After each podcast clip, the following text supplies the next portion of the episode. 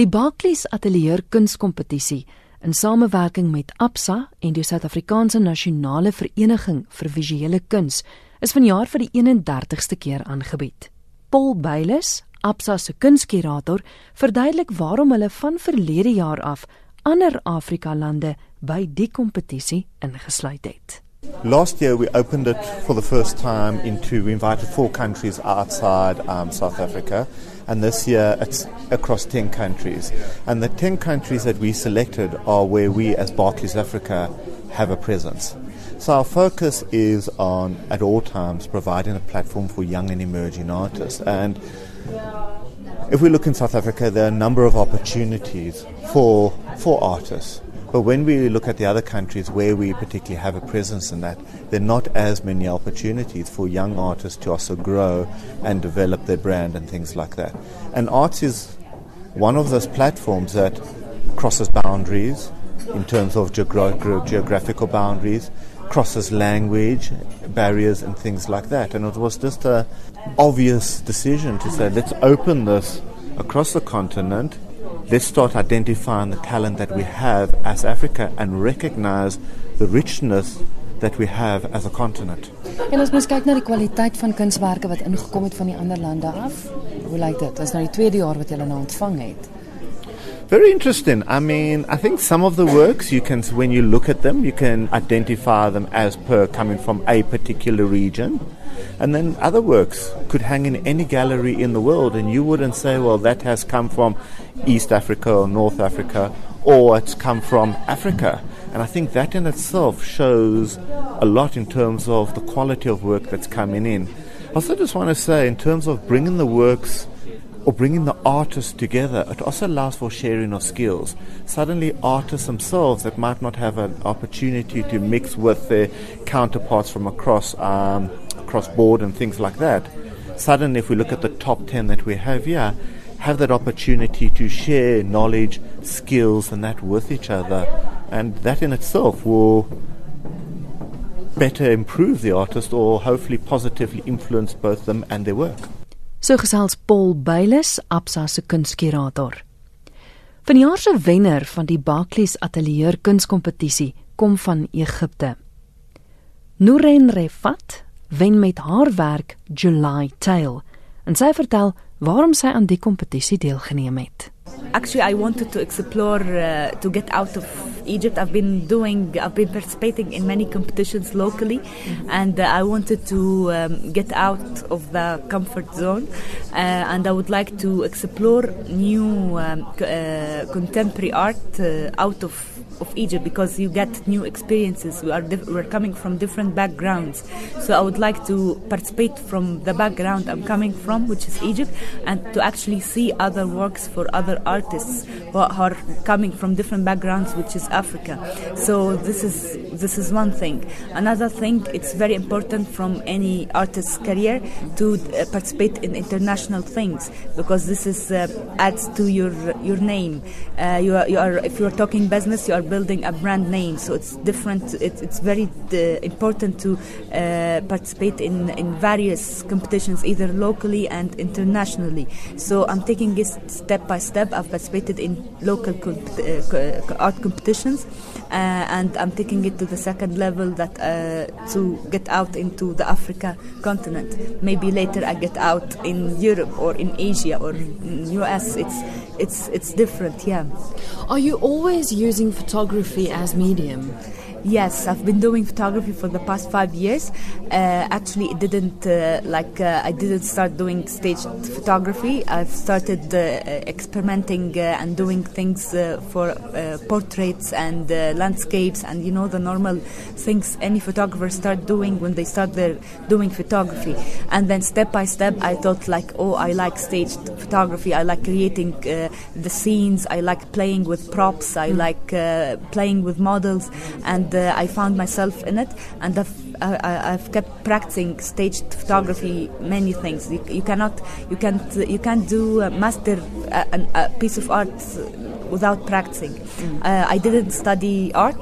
Uh, my major is accounting, Uh, yes, and I've been doing. I've been working for the past five years in marketing and communications. Uh, I've worked in corporates. I've worked in many uh, small startups, in NGOs. I've worked in many places, and art has been going in parallel. Like um, uh, this is uh, form of expression for me. Uh, like you can go home and write your own diary. For me, this is my diary. This is I, I, I express myself through photos, through through art, uh, and uh, uh, this is not the end.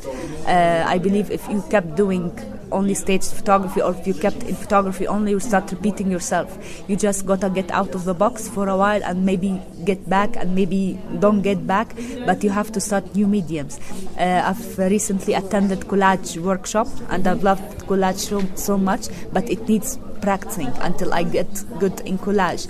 Uh, I've, uh, I, re- I have many installation ideas. Mm. I really want to do an installation one day too. Yes. The work you entered for the competition is three photos. Uh, what's the title of the work? Uh, July Tale, because uh, this project was shot in July.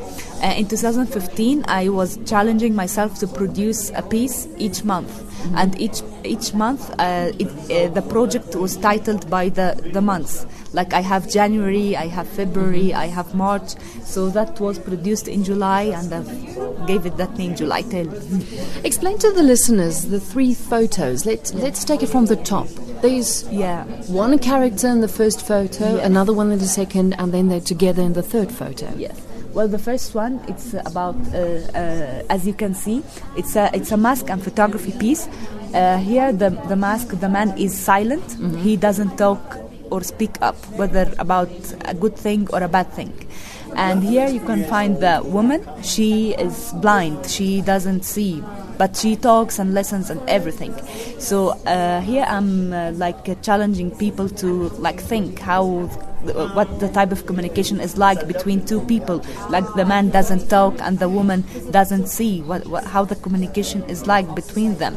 Um, and despite the miscommunication, uh, there is uh, uh, they are so attached to each other. Like the the, the woman is investing in the relationship through, uh, uh, and I can find I, am expressing that this type of investment through knitting. Like this is a form of investing in a relationship, like giving in it and uh, uh, here even if the, the man is not there she's still in investing in it. And there the man is uh, despite the woman is not there he's still investing in this relationship. Uh, so they are um, uh, so I'm expressing this. And I'm, I'm always welcoming new stories like uh, someone can see it and translate it into into another thing.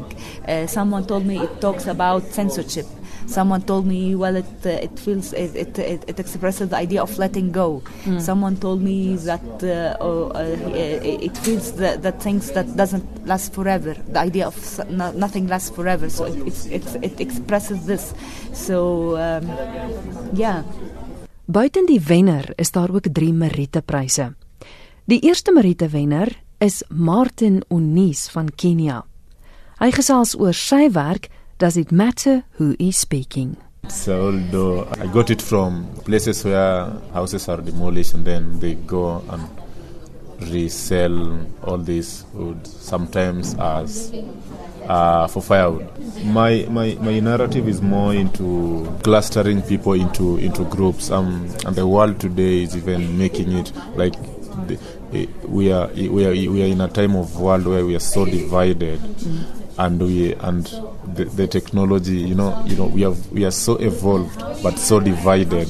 And for me that, that doesn't make sense. So i'm either a boy a girl i'm either black white i'm either kenyan south african uh, and sometimes even when i'm kenyan then i come to my tribe. So my piece now challenges uh, does it matter who is speaking? Are we judging or are we, are, do we judge based on who speaks? Is intelligence based on who is speaking and what we've labeled them? So I'm more into looking into issues of division, communication. Yeah. Because in different parts of the door, it's different characters. I it's can, different, I can, yeah, yeah, it's different characters, and then if you look at the different characters, they make some letters. Yeah, so it's more into, yeah, it's more of the the letters to me becomes words and we judge words by the person who speaks to yeah Die tweede Merite wenner is van Uganda. Donald Wasswa vertel van sy werk. Um, I call it uh, Mali Amuswangali. And Mali means uh, money in, in Uganda. Or maybe in Kenya, like Swahili, it could mean uh, Mali is uh, money. And then Muswangali is a name of some person. It's a Ugandan name. So basically, the work is about uh, um, this is someone's property. But initially, it's not what it was. I mean, it's. Uh, I talk about this uh, person in the village, deep down in the village in Uganda, and has all these expectations to go and in, in Kampala and make ends meet. And he's hoping to sell his maize. He had uh, ten bags, and then he tries to get some money, and then you know head to town to sell it for his first time because he has been told by friends to there's some money, you know. You just can't keep around the village. So along the way, his maize happens to get lost, and then he, uh, through all these uh, consultations and all, he finds out that it's in some town in Kenya, and then he gets to know the the maize is there. But when they try to send it back, it's not totally. It's opposite. It's the same bags, but it's full of trash, full of. So meaning that someone got the maize and then took it away and then just filled it with uh, the bags with something else. So this man is really uh, disappointed, and he's still looking for his uh, maize, his supplies. Yeah. So I'm talking about the you know expectations, uh, how people think, say people living in the rural areas, what they expect to find in the, or, or you know, at times people think it's uh, the greener grass is the other side, Yeah. which is not the case in most cases. So it's about that. It's about uh, you know what we face, you know, in the period of uh, you know trying to move from one area, trying to you know go to the other side. What happens? Experiences, life experiences, basically. Die derde Merite wenner is 'n Suid-Afrikaner. Lebo Rasinyalo gesels oor haar werk met die titel Omogeng Lebo no more. In this, I say no more because it's hope. It's my intention to finally realize my genuine existence. Um, I find that within the urban aspirational spaces that I occupy, my black body as a female occupies, um, we don't have, we don't often get the opportunity to just be authentic in who we are. So it's, it, it, it still represents the aspirations that we maintain and it deals with just the levels of, of, of where those aspirations may come from, our work environments. Um, so it's an attempt to bring it all together and ons kom ons verduidelik gou vir die luisteraars waarna ons sit en kyk want ons sit nou hier voor jou werk. Dit is 'n TV-skerm. Ek het nou so dele van die beeld gevat waarna ons nou kyk is geskrewe werk. Yes. Dan is daar 'n vroue figuur voor en dan slaan dit oor na 'n 'n groen grasvlakte. Verduidelik gou die hele konsep agter jou werk of, of waarna ons kyk. Okay, so when we when when our bodies are in the space, we are informed by texts and history. So in my aspirations to find my genuine existence, um, being Betty, I want to go and, and understand myself from a text, um, and so the text um, referenced here is of uh, ar- archaeological work, uh, archaeological text, L. Longmore's work, and um, it's I'm just it's just interesting for me that it is I have to as a Betty woman have to reference. Uh, a European for my for my for an understanding of who I am um, in that. So that is the text that we're dealing with there. The landscapes is this. I, would, I took those in the Cape. Um, so as part of my history, as our history, those the workspaces, uh, farmland have become.